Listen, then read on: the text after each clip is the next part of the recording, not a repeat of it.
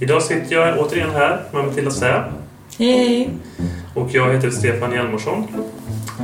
Och eh, jag som sagt, podden heter ju Moderna Tider. Och idag ska vi prata om en ganska så mycket modern händelse. Modernaste hittills. Eh, ja, med råge Mm. får man väl säga. Nu har ju inte... Det är inte så många avsnitt som har släppts. Men eh, det handlar helt enkelt om 11 september 2001 och ja, vi ska väl prata ganska mycket om vad världen vad det blev av världen efteråt och hur kanske eller ja, hur världen såg ut innan också. Det är 20 år sedan. Ja, det är väldigt aktuell, aktuellt också. Får man ju säga. Ja. Eh, och eh, det, det är väl kanske det mest aktuella. Men historiepoddar brukar ofta säga att man är inaktuell. Så säga, som en grej. Ja. Men eh, om, något, eh, om det är årsdagar eller någonting, då kan det ju aktualiseras igen oavsett vad det är. ja, absolut. Eh, och nu, nu den här gången får, så blir det ju så. Ja, frågan är ju... Jag tänker ju så här att september 2001 det är ju ett datum som eh, många människor minns sådär vad man gjorde Ja, Så. brukar pratas mycket om det. Ja, jag tänkte så här... eh, Alla ska berätta vad Jag tänkte bara att vi kunde börja med lite person, vara lite personliga så. Minns du... Vad minns du den här dagen? Ja, jag var inte så gammal då. Nej, nej, men du var var i, ändå... Så du hade ett minne av det? jag var i skolan. Jaha. Ja. Ja. Eh, det är inget så annat speciellt, eller? Nej, jag minns bara att man- man blev lite chockad och att föräldrar var lite chockade. Man förstod att det var något allvarligt som hade Mm. hänt. Mest på de vuxnas eh, reaktioner. Mm. Vad gjorde du då? Nej, jag gick på gymnasiet, kom ihåg, och kom hem efter en lång dag och blev eh, sådär... Eh, eh, ja, det kom ju från ingenstans egentligen. Det där. Ja, det är det man pratar väldigt mycket om. Ja. Att man, blev så... alla blev så chockade, inte minst amerikanerna. Nej, och vi var, hade ju varit i New York på sommaren. Precis innan. Mm. Bara två månader ungefär tidigare. Så det är klart att det kanske förstärkte också känslan av det. Men jag kommer ihåg för att jag kollade på TV liksom eftermiddagen och kvällen där så det var ju som att det var ganska surrealistiskt ändå tyckte jag. För det kom ju rapporter hela tiden om att det kom nya saker som hände. Men eh, det, det, det kändes som att det kanske skulle fortsätta hela tiden. Ett tag. Nya planer menar du? Ja. Men det tog stopp i alla fall. Ja. Ja, men eh, vad som hände kanske är ganska känt. De flesta. Det är det ju. Eh, det var ju så att det var två inrikesplan som flög in i World Centers. Båda torn. Passagerarplan. Ja. Och eh, sen på kom ett plan och flög in i Pentagon också. Försvarshögkvarteret i Washington DC. Och sen är det det här fjärde planet som försvann någonstans i Pennsylvania. Och där man då eh, genom olika telefonsamtal och sånt har förstått att passagerarna eh, övermannade skaparna. Och det har ju spekulerats mycket i vart de eventuellt var på väg egentligen. Ja, väldigt spännande. Ja, Konstigt att det inte hände på fler plan nästan. Eftersom att det var så många passagerare ombord. ja men jag vet inte riktigt hur snabbt det går- gick heller från att kapningen tills att man liksom... Jag har förstått som att det, man fattade ju att de första planet var kapat för att man hade, gav ju order om att man skulle skicka upp eh, F16-plan för att eh, försöka få ner planet. Mm. Och de kom, in, kom upp i luften eh, bara några minuter innan det kraschade in. Alltså de visste inte om då att det, det hade hänt. Får säga. Men det, sen var det ju först där för att det, var ju först ett plan och sen dröjde det väl typ 17 minuter något till nästa. Och då klart då hann spekulationen ändå sätta igång ganska starkt. Eh, Ja, vem menar du? av de som såg det och de som kommenterade. Och det var ju live, liksom TV sände ju live med en gång.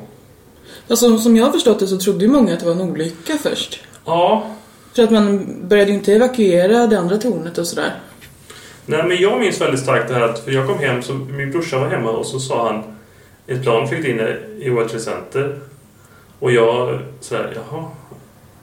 Och så här, för att jag var, var trött och orkade inte... Eller jag blev, blev inte först så reagerade jag inte så starkt. Men så sa han att ja, de tror att det är en terror, ett terror, terrorattack. Och då tänkte jag bara, nej, nu får de väl lägga av.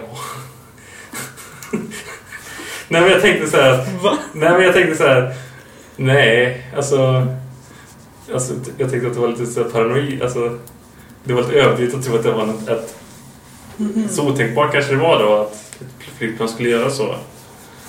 Just det. Och sen så kom jag ihåg att han satte på text-tv typ och så sa han Ja, nu är det två plan som flugit in. Ja, det var ju två torn. Och då eh, fattar man kanske mer. Då, ja, precis. Men så var det när, när båda hade flugit in, då fattade man ju eh, på riktigt att det här var ju inte något... Eh, det här var ju något väldigt planerat och det var en terrorhandling.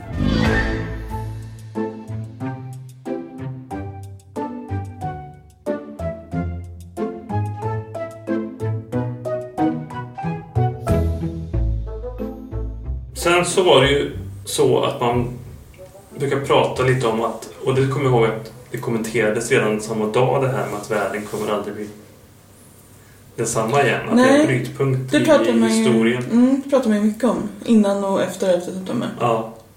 Lite som vi pratar om Palmemordet här i Sverige. Ja, det, det, På och, ett mindre plan. ja, och det kan man ju diskutera i sig då det här med att man så att säga försöker skapa en historia utifrån att man vill ha en tydlig tydligt datum eller brytpunkt eller sådär och, och att allting förändras. Fast det blev ju ganska stora konsekvenser. USA Ja. blev ju väldigt eh, paranoid efter det. Det, Det, kändes ju som en otryggare plats för att folk kände sig mer otrygga. ja, jo. Det minns jag också liksom att de närmaste dagarna, de närmaste veckorna var ju det var ju det här det var nästan som att måla upp ett scenario om att det skulle vara terrorattacker hela tiden. Va? Mm. Och att eh, till och med att de skulle kunna tillgång till kärnvapen och eh, Det säger George Bush också att den här attacken visar på att vi är sårbara, säger han ju. mm, Och det tror jag också blev en liten chock för amerikanerna för de hade nog känt sig ganska osårbara innan. Men så den här attacken gjorde att de kände sig väldigt sårbara. ja. Det, det, det är klart att USA har ju inte alltså USA har ju inte blivit attackerat på hemmaplan speciellt många gånger. Nej, det var ju Pearl Harbor innan dess som Ja, de blev var- attackerade. Ja, det var ju en bomb i World Trade Center 93 också. Och eh, det var ju de här ambassadbomberna, var det 98 eller? Tror jag. Eh, I, var det Kenya och Tanzania, amerikanska ambassaderna som sprängdes. Och det sägs ju bin Laden ligga bakom. Men en attack av den här magnituden med så många dödsoffer, det hade inte hänt sedan Pearl Harbor. Eh, nej, det får man ju säga att det inte har gjort. Och det har väl inte hänt något liknande senare heller. Nej, direkt, även om det händer mycket hemska saker i USA. Eh, ofta. det står de för själva. Eh, ja, det kan man väl säga. Eh. Men eh, man skapar ju den här tanken om eh, kriget mot... Jo, just det, jag tänkte också för att jag kommer ihåg till exempel bara några veckor senare så var det ett plan som kraschade i Queens. Och då direkt så tro, tänkte man ju att det var... För jag kommer ihåg så här i svensk TV så här, man avbröt alla sändningar och sånt med en gång. Och det var ju, det var ju för det var inne i ett bostads villaområde liksom. Det var ju varit som en olyckshändelse. Men det var verkligen så att man satt hela tiden på nålar på något sätt. Ja, man blev ju eh, stressad eller upp, eh, uppskakad. Ja. Det blev man. Och det var väl det som kanske också hjälpte till att man kunde skapa... Man kan säga att Bush-administrationen skapade en slags doktrin om det här med kriget mot, mot terror. Mm. Eh, där man skulle liksom jaga terrorister överallt i hela världen. Och det här begreppet om eh, är ni inte med oss så är ni emot oss. Och senare skapade han väl även det här, eh, eller eller kanske för tid, jag kommer inte ihåg om det var innan eller efter september, det här om the Excel of Evil. ondskans axelmakter. Och det var ju... Det måste varit tidigare, för det var Iran, Irak och, och Nordkorea tror jag. Eh, nej, men jag tänker eftersom Afghanistan då sen blev fokus istället. Så, så, men... Eh, för det var ju det att USA också direkt pratade om eh, att man skulle så att säga agera. Ja, George Bush var ju en... Han tog ju en, stark ledarroll i det där. Ja, Han ville ju visa sig eh, stark liksom. Och Ja. det eh, var väl kanske det som amerikanerna behövde just då. Ja, han var väl väldigt populär. Mm. Och det var samma med han Rudy Giuliano. Som idag, med tanke på hur han, hans karriär utvecklades senare. Ja. Med advokat för eh, Donald Han, Trump. men han var ju väldigt populär då. Mm, han var borgmästare i New York. Ja. Och skulle väl avgå ganska snart. Det var precis sista... Ja, han kallades för hela USAs borgmästare. Kallades han. Eh, Så fint. Ja, och omvärlden slöt ju också upp kring det här med att, för man såg det som att USA i princip hade varit, alltså att det var en krigshandling mot USA. Ja, ja. Och USA påstod ju tidigt då att man hade belägg för att det var kopplingar till bin Laden och bin Laden var ju den här tiden eh, han hade en slags fristad i Afghanistan hos talibanerna. Al-Qaida hade något slags träningsläger och sånt. Och då, då fick man ju ett FN, ett FN-mandat för att rätten till självförsvar finns ju någon artikel om Mm. i FNs... Och det var väl ingen som Du protesterade? menar att gå in, att gå in i Afghanistan Ja. Ja. Och jag tror det var den 7 oktober va, som man inledde. Eh, En snabb eh, motattack. Ja, man mobil- mobiliserade snabbt. Och då började man med några bomb... Framförallt var det bombflyginsatser. För att det fanns ju något som hette den Norra Alliansen. Eller Norra Alliansen i Afghanistan. Som var någon slags motståndsrörelse mot talibanregimen. Och det var någon slags salig blandning av olika krigsherrar och sånt där som egentligen hade bara ett gemensamt mål att störta talibanerna. Och de var ju de som framförallt stred på marken men de amerikanska bombningarna ju- hjälpte, dem väl, hjälpte väl dem ganska mycket framåt för det gick ju rätt snabbt sen ändå att, så att säga, driva bort talibanerna. Framåt Mm. jul där någon gång var ju en ny regering på plats. Men eh, ja, men vad var det för värld som detta hände i då? Kan man säga. Det var en lugnare värld. Ja, det är väl det vi vill tro i alla fall. Men man kan ju börja med alltså, Sovjets fall. 91. Ja.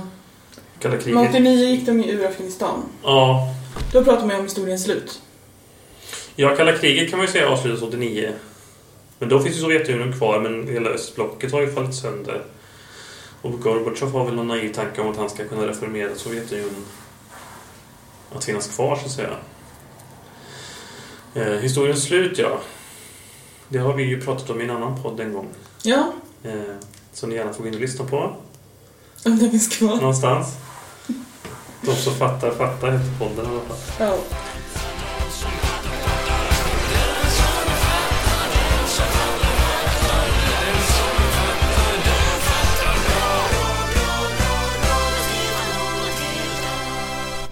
Hej allihopa och välkomna till vår nya podd De som fattar fattar. Eh, Historiens slut, ja. Ja, det var ju ett begrepp eh, eh, som myntades av eh, en... Fukuyama. Fuku- Fuku. ja, Ja, han är väl liksom amerikan, va? Fast någon slags japanskt. påbrå ja. Mm. Eh, jag har inte läst den boken. Nej, inte jag heller, men ändå. Nej, och jag har förstått som att den inte... Det går nog som att den är ganska... Den, den kan nyanseras ganska mycket. Alltså den är mycket mer komplex vad det som menas med historiens slut. Eh, Men det är en eh, intressant tanke i alla fall, en, en intressant idé med att eh, liberalismen har vunnit så att säga. Ja. Och eh, det här systemet som fanns i Sovjetunionen och Östeuropa rasar samman. Mm. Och eh, samtidigt som man kan säga att mycket tydligt på att det finns tecken redan då på att historien inte är slut i det avseendet, tycker jag. För att dels har du Kina, som idag är en supermakt nästan, kan man säga. I alla fall ekonomiskt så är man ju verkligen på samma nivå som USA. 1989 har du ju massakern på Himmelska fridens torg.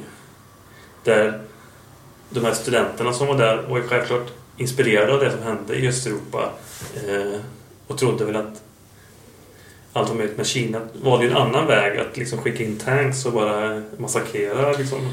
Ja, precis. Och tänkte- sen har ju Kina gått... Dels har man ju gått mot den här liksom, ekonomiska utvecklingen väldigt starkt samtidigt som att repre- liksom, repressiva regimen har ju inte minskat. Eh, Kina har ju inte gått många steg mot demokrati eh, sedan dess. Nej, jag tänker också att man eh, öppnar ju upp också, till exempel i Afghanistan när, man, när Sovjet eh, går ut därifrån att eh, ja, man öppnar upp för andra aktörer att ta över makten så att säga. Ja. Vilket ju också hände så att eh, nej, jag håller inte heller riktigt med om att det är historiens slut eftersom att eh, det ger möjligheter också. Ja, du har eh, liksom kriget på Balkan och du har som inte är liksom jättetrevliga händelser i historien. Där man får en väldigt blodig uppgörelse. Eh, Även om man kan säga att kommunismen har ju fallit i, i Jugoslavien också. Då. Ja, för han menar, Men det- inte, han menar ju inte att det är slut på krig. Menar inte, han men, pratar ju snarare om eh, ett ekonomiskt system eller ett idésystem. Eller att det är det som... Ja, ideolog, ideologernas, Ja. eh, ideolog, ideolog, ideologiernas kamp är ju på något sätt över. Men eh, det, jag menar att det, fanns ju an, det finns ju andra så att säga, parametrar också i det.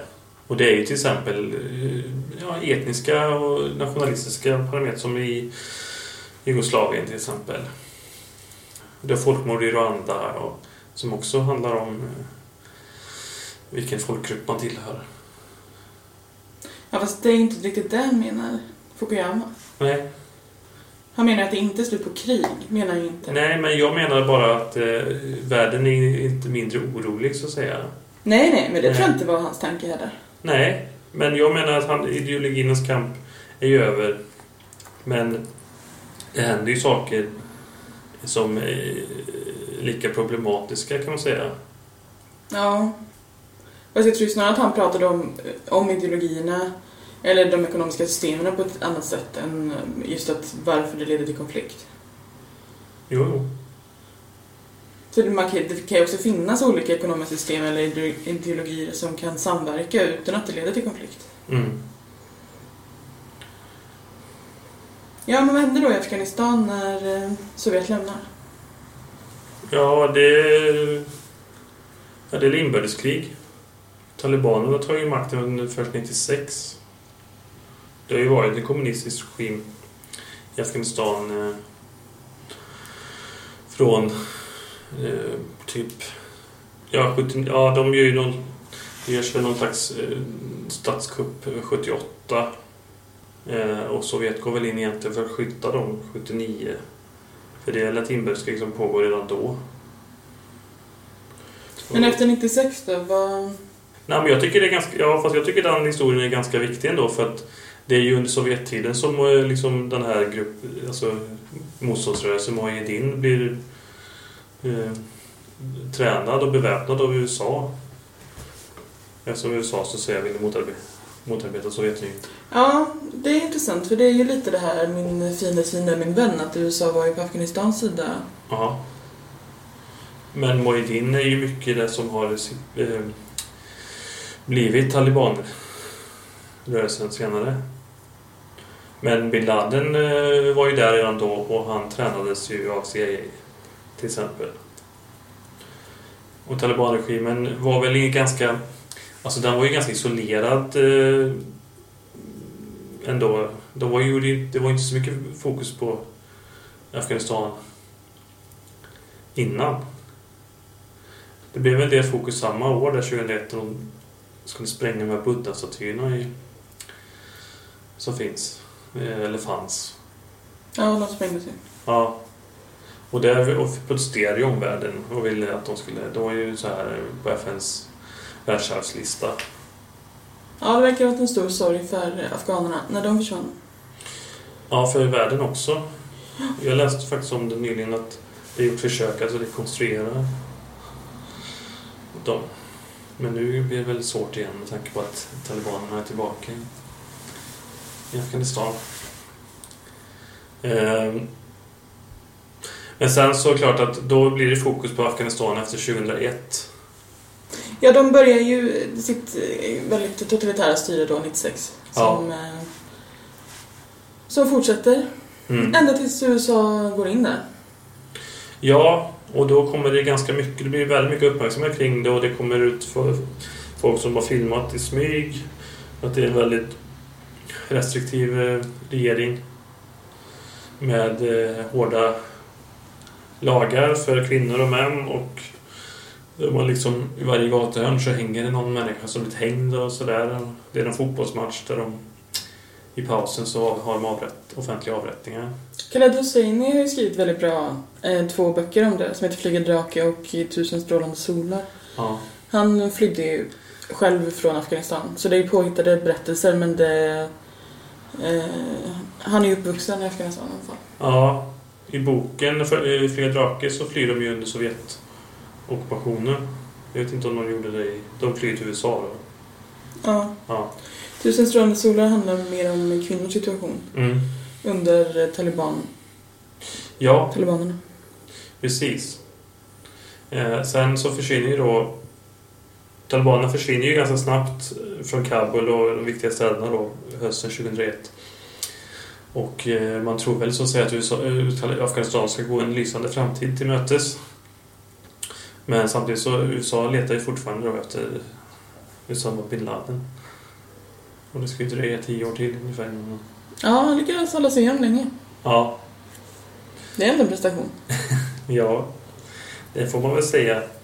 Men han var ju en, en smart man, som bin Laden. Som man eh, kanske underskattade lite också. Ja, kanske. Eh, Jag vet inte vad han, om han uppnådde så mycket eller inte, men... eh, Nej, men man kan ju nästan tro att, att han är en galning liksom. Men det var han ju verkligen inte. Nej, jag vet, jag kan vet inte. Jag vet väldigt lite hur han var. Man vet väl inte så mycket generellt om han ledde väl någon grotta. Kom ju från en väldigt rik familj i Saudiarabien. Men... eh, Ja. Sen, eh, men man kan ju tänka också på hur världen förändrats sen eh, september. För USA till exempel inför ju väldigt snabbt eh, lagar som inskränker starkt på... Alltså, alltså staten ska få mer eh, utrymme att avlyssning och underrättelsearbete. Man tar sig väldigt stora friheter. Ja, som man då... The Patriot Act heter väl eh, stora inskränkningar som togs snabbt och var väl stor uppslutning kring i det här i det läget. ja, man var ju rädd. Ja. Sen var det ju tyvärr så att omvärlden eh, hängde ju på det där starkt och Nästan lite DDR-liknande. Ja, ja, ja, absolut. Det var ju oerhörda inskränkningar och även det här ännu värre att man kunde agera på i andra territorier. Alltså man åkte ju runt och, och tog folk som misstänktes för och så flög man väl dem till jag, För terror, ja. Ja. Och ibland flögs de väl, för att USA upprättade ju det här eh, militärfängelset eller på Guantanamo på Kuba. Som är en amerikansk militärbas. Ehm, och dit, dit togs det folk mycket. De har blivit väldigt kritiserade också, att de använder tortyrlika metoder. Ja. Men vi hade ju ett, ett, ett fall i Sverige där. 2001. Där två egyptier greps av CIA på Bromma flygplats var det väl. Och förde, fast de fördes ju tillbaka till Mubaraks Egypten. Och Sverige påstod att de hade fått garantier att de inte skulle torteras eller något sånt. Men det gjorde de ju. Ja. Eh, de intervjuade ju någon, för någon av dem har ju sökt asyl i Sverige och fått i, Sverige senare. Men han var ju liksom, hade ju som nervskador och sånt. Eh, Nej, så det blev en ganska stor förändring och det, och det här med avlyssning och unders, undersökning. Man använder så kallade okonventionella metoder i förhörsmetoder då. Som du sa. Man ansåg sig ju ha, ha den rätten efter det som hände helt enkelt. Ja, det var ju förebyggande såklart för man skulle undvika eh, liknande. Sen fanns ju kritik mot att underrättelsearbetet var bristfälligt under själva innan attacken. För flera länder framförallt hade ju varnat USA. Och det där är ju så här ganska vanlig konspirationsteori också det här att även om USA inte iscensatte det så visste man om vad som skulle hända och lät det hända. Skulle låta det hända. Ja, men vi kanske inte ska gå in på Eh, konspirationsteorier. Det Nej. finns det ju många kring 11 ja, september. verkligen en hel rörelse liksom. Oerhört eh, sofistikerad. Ja. eh, saker. Men, eh, och jag tror många, just i den tankeerfarenheten är väl mycket att man kopplar det kanske inte så mycket till Afghanistan-insatser men däremot det som hände senare när USA just, eh, går in i Irak. 2003. Ja. Och det är ju frågan om man hade gjort det utan det som hände den här september. Det hade man nog inte gjort. Nej. Eh, Även om alltså Saddam Hussein hade ju varit ett problem länge för USA. USA. Mm. Man hade ju egentligen bombat eh, ibland kontinuerligt eh, Irak. Och sen hade man ju ett ganska massivt, massiva sanktioner mot eh, Irak. För man hade ju fört ett krig i början på 91. Det så kallade första Gulfkriget, eller Operation Desert Storm. Ehm, när Saddam Hussein hade gått in på hösten 1990 så hade han gått in i Kuwait. Och ehm, det, omvärlden tyckte inte att det var så lämpligt. Eh, det är samma sak där. Alltså, Saddam Hussein var ju en person som hade varit allierad, eller som USA hade stött. Eh, under Iran och Irakkriget inte minst. Så att Saddam Hussein var nog lite för mycket, alltså de vapen blev också beväpnade av USA. Och hade uppenbarligen haft eh, massförstörelsevapen och biologiska vapen. Men de hade han ju fått från USA. Eh, så han trodde väl att han kunde... USA skulle inte bry sig om han gav sig på Kuwait. Nästa gång. Eh, men jag tänker i och för sig det som hände där kan ju vara intressant med tanke på det vi pratade om innan om historiens slut och det här. Att då var det faktiskt så att man, precis som efter insatsen i Afghanistan 2001 så fanns det ett FN-mandat för eh, invasionen i, i, i Kuwait. För att driva ut de eh, Iraks trupper. Och det har ju inte hänt så många gånger att säkerhetsrådet varit eniga om en insats. Så det kan, jag tänker att det kan vi koppla till att det, fanns, att det förstärkte någon slags tro på att, att världen var... Enad. Ja, Ja, absolut. det. Kan man ju tänka. eh, även om det så att säga föll bara några år sedan när man inte agerade till exempel i, i Rwanda. Eller, och det dröjde väldigt länge innan man agerade i, i Bosnien. Och sådana saker. Ja, men eh, det är väl klart att han har en poäng med det här med historiens slut. Att eh, det blev mer enat efter det. Ja, och det var ju framtidstro och, jag kan tänka att, att hela Östeuropa och Ryssland och det och när väl Sovjetunionen föll också då så så var det ju väldigt mycket det här med att man skulle ha marknadsekonomi och det ska vara en demokratisk utveckling. Och det kan jag också tycka var, det är också väldigt intressant med tanke på att i, i den delen av världen har det ju liksom blivit en väldig backlash på det. Det är få som skulle säga att Ryssland är en demokrati idag. Och du har ju liksom de här länderna i Östeuropa som också är lite tveksamma, Ungern och Polen och, och så. Ja, om man nu tänker på talibanerna så de har ju medeltids eh. Ja, Men man kan ju också säga så här att, ja som du sa, att det fanns fram, en framtidstro. att man kanske också hoppades på att det skulle bli en mer enad värld. Ja, ja, absolut. Och det, Och det var ju något positivt. Ja. Alltså, att Sovjet fölls, det var ju ingen som sörjde det direkt. Nej, det, det är klart att det inte gjorde på det sättet. Men jag tror också man underskattade kanske folks liksom... Alltså jag tror att...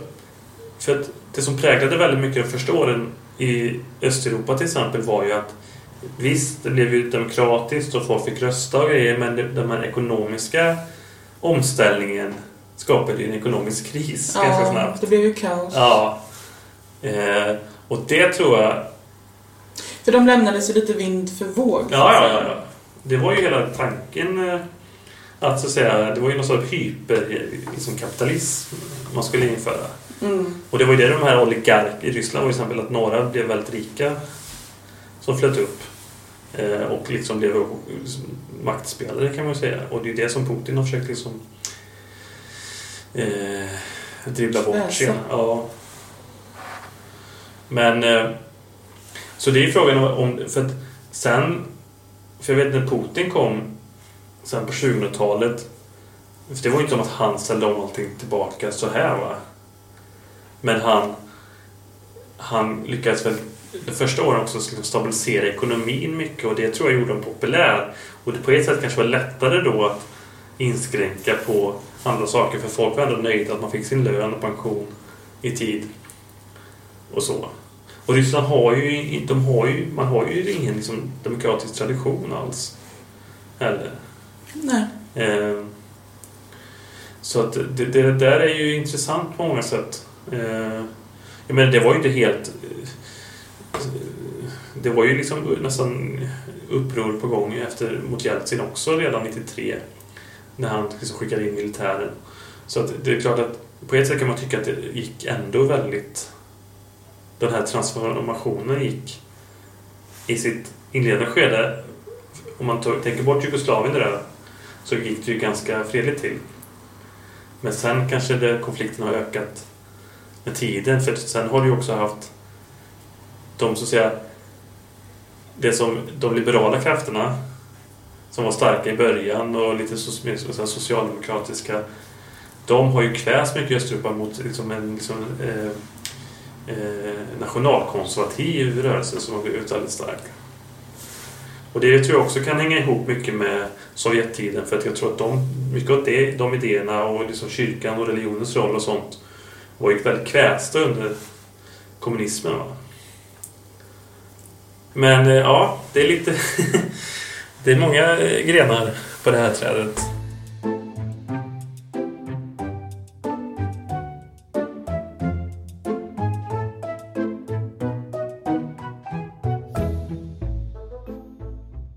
Man kan ju säga så att USA sen...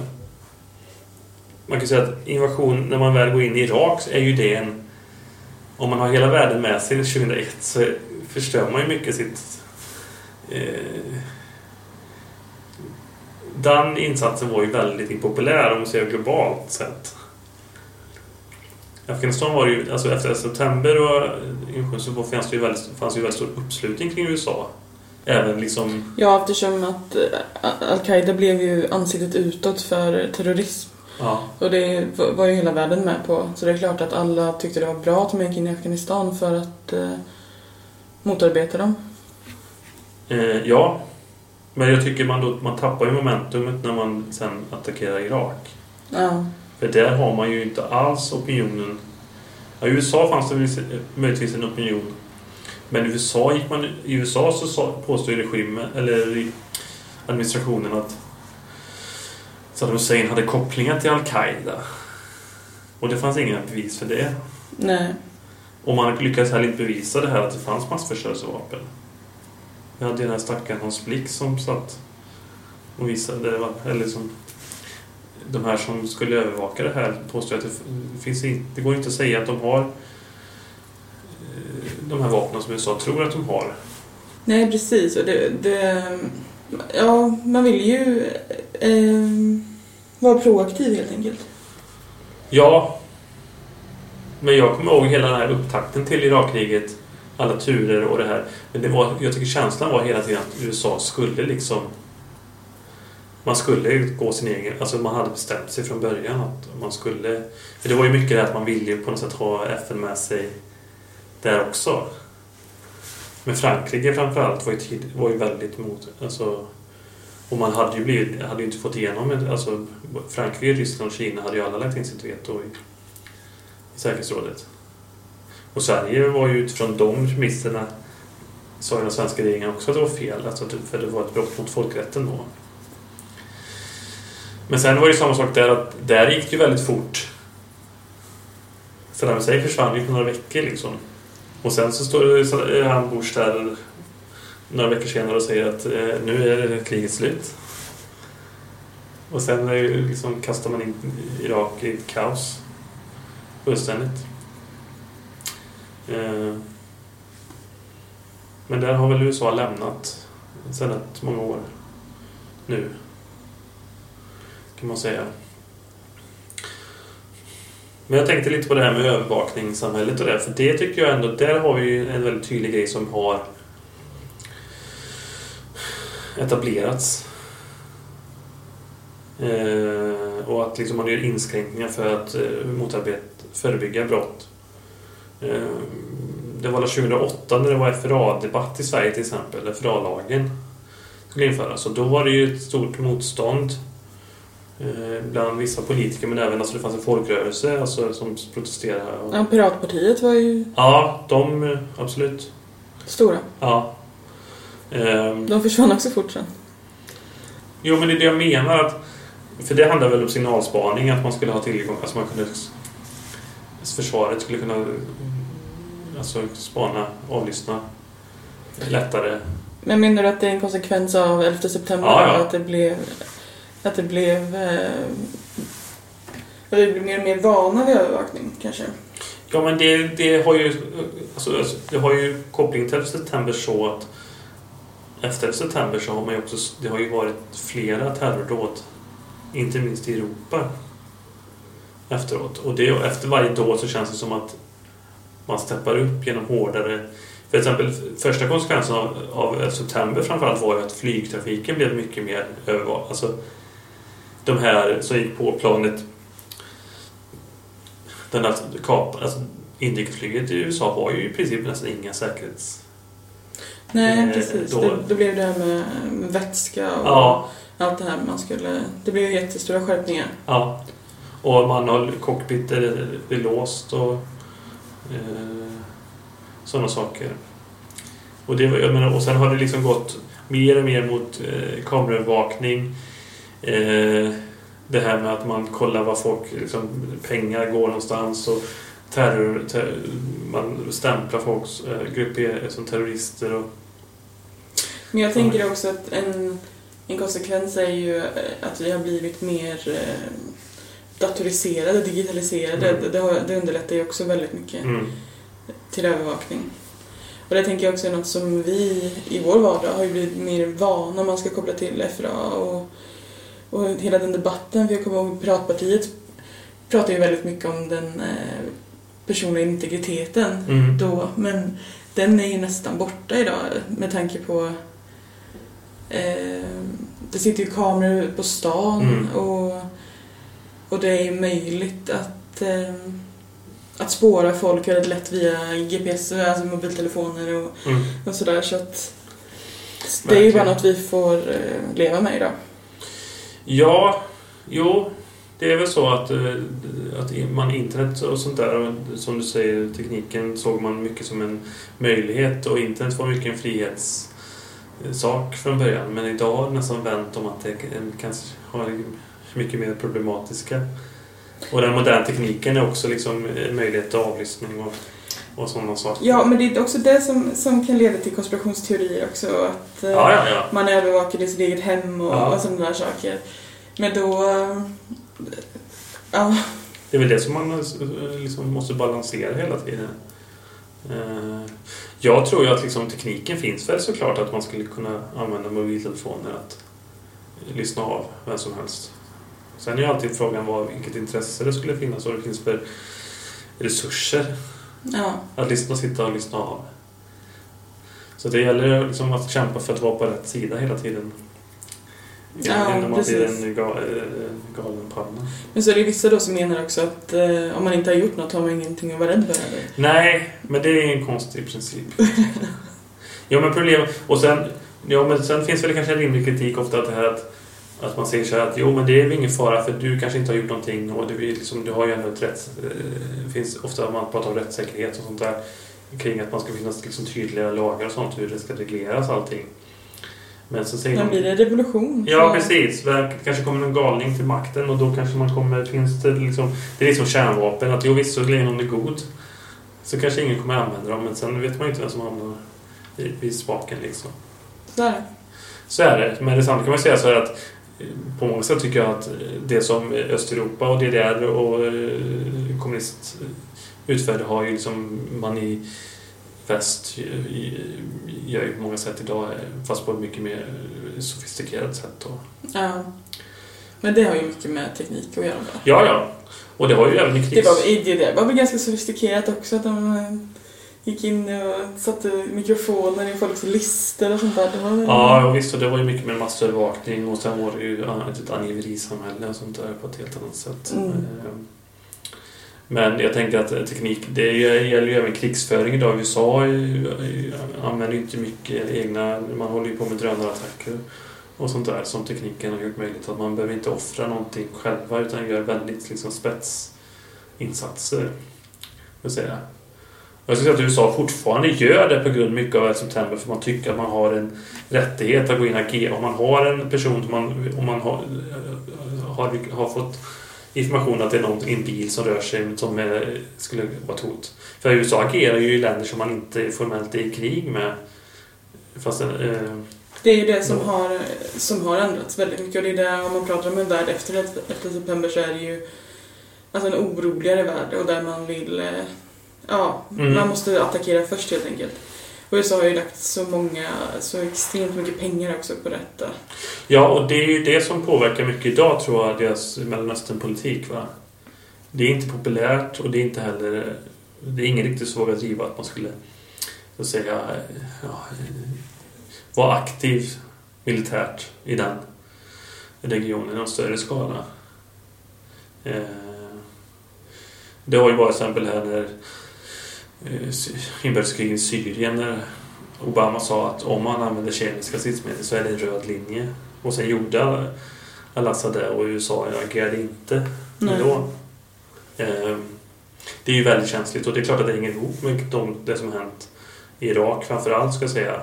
Afghanistan har ju då visat sig på längre sikt liksom ändå bli ett fiasko på något sätt. För det är ju precis nu liksom, det blir nästan lite... Blir ett väldigt, liksom, eh, väldigt passande, lite ironiskt kan man säga. När man pratar nu 20-årsdagen efter så har ju precis, precis talibanerna liksom Kommer tillbaka. kom tillbaka, tagit över Afghanistan igen i princip. Och eh, USAs längsta krig i historien har liksom slut, börjar, slutat där det började liksom. Ja, men vad tror man skulle hända då? Det är väl klart att de skulle komma tillbaka. Ja, man trodde, ja det, jo, absolut, det trodde man väl kanske för ett år sedan även om man kanske inte tänkte att det skulle gå på det sätt som det har gjort nu. Man trodde ju ändå att om man hade byggt upp en, en armé va, som man trodde skulle göra motstånd och det visade sig vara en, Så det, det är ju snarare en underrättelsemiss på många sätt.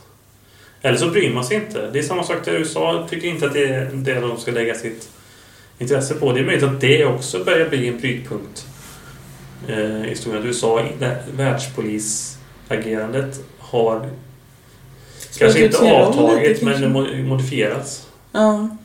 Det var ju en av Trumps stora saker som han pratade om ju. Att han ville ju bli mer... Inte lägga sig i andra länder lika Nej. mycket. Och det vann han ju på så, Ja, bland annat. Samtidigt kan man ju säga så här att med tanke på att Kina växer och också har ju betydligt mycket större intresse i andra länder så kommer ju USAs, USA bli ängsliga hur de ska agera för de vill inte tappa sin. Sin Position, nej. Nej. Nej, USA är ju legat ohotat eh, länge nu. Som en eh, supermakt. Ja, det får man väl säga. Även om de kanske också så att säga, har minskat i betydelse på många sätt. Ehm.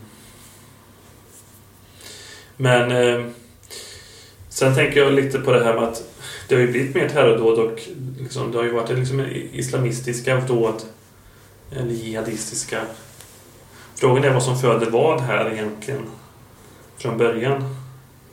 Det känns som mycket var en reaktion mot Irak, Afghanistan och Irakkriget. Och först var det mycket Al-Qaida och sen kom IS. Och, och det, vi, hade ju, vi har ju haft dåligt i Sverige och så också. Vilket jag tror också har gjort det lättare. För jag menar idag har vi ju ingen sån diskussion med FRA eller liknande. Läggs det sådana lagslag idag så blir det nästan inte uppmärksammat knappt. För det är, det är så självklart på något sätt.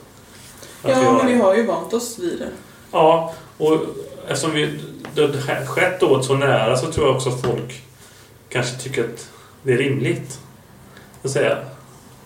Ja, men det blir lite det att hellre vara trygg än...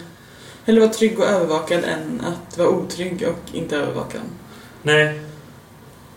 Ehm, sen har världen blivit en bättre eller sämre ställe.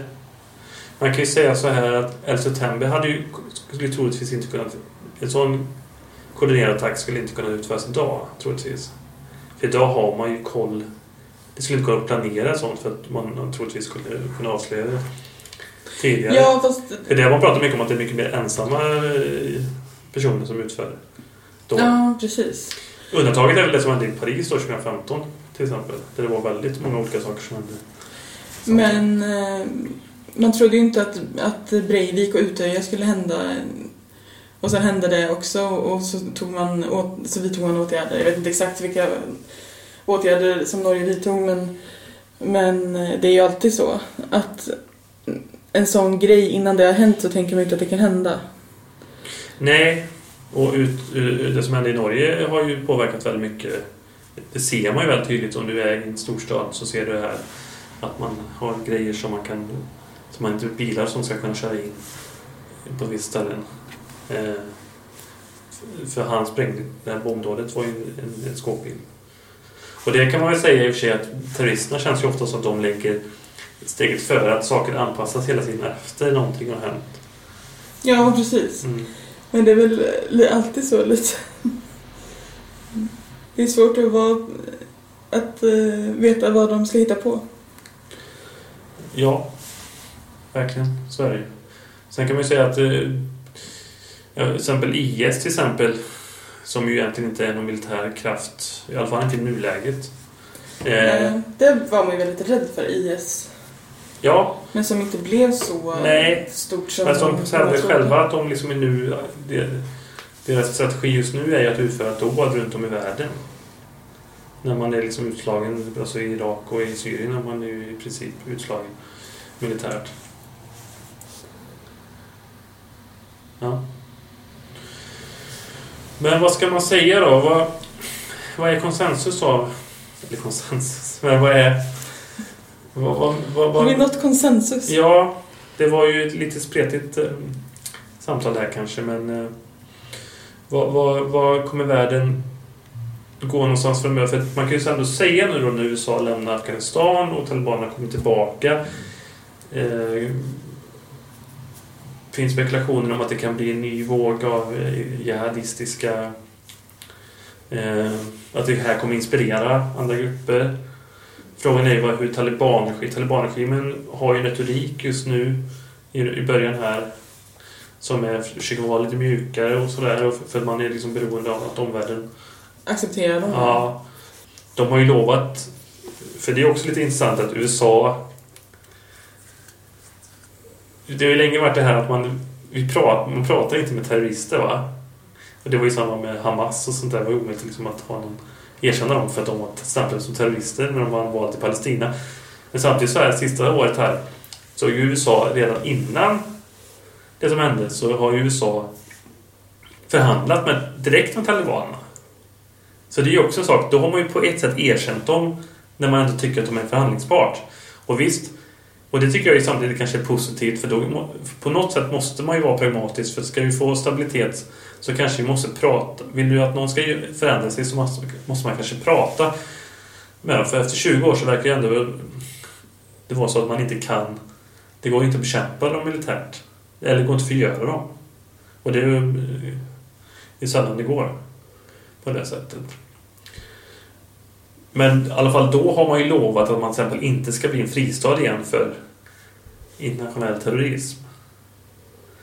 Eh, för jag hörde någon, för ett tag sedan någon expert som sa att om det skulle bli så att talibanerna tar över fast de kommer liksom inte vara någon liksom vara kopplade till internationell terrorism och sånt så kommer omvärldens intresse för Afghanistan liksom försvinna. Så kommer talibanerna ha sin regim men omvärlden alltså man blir isolerad så att säga.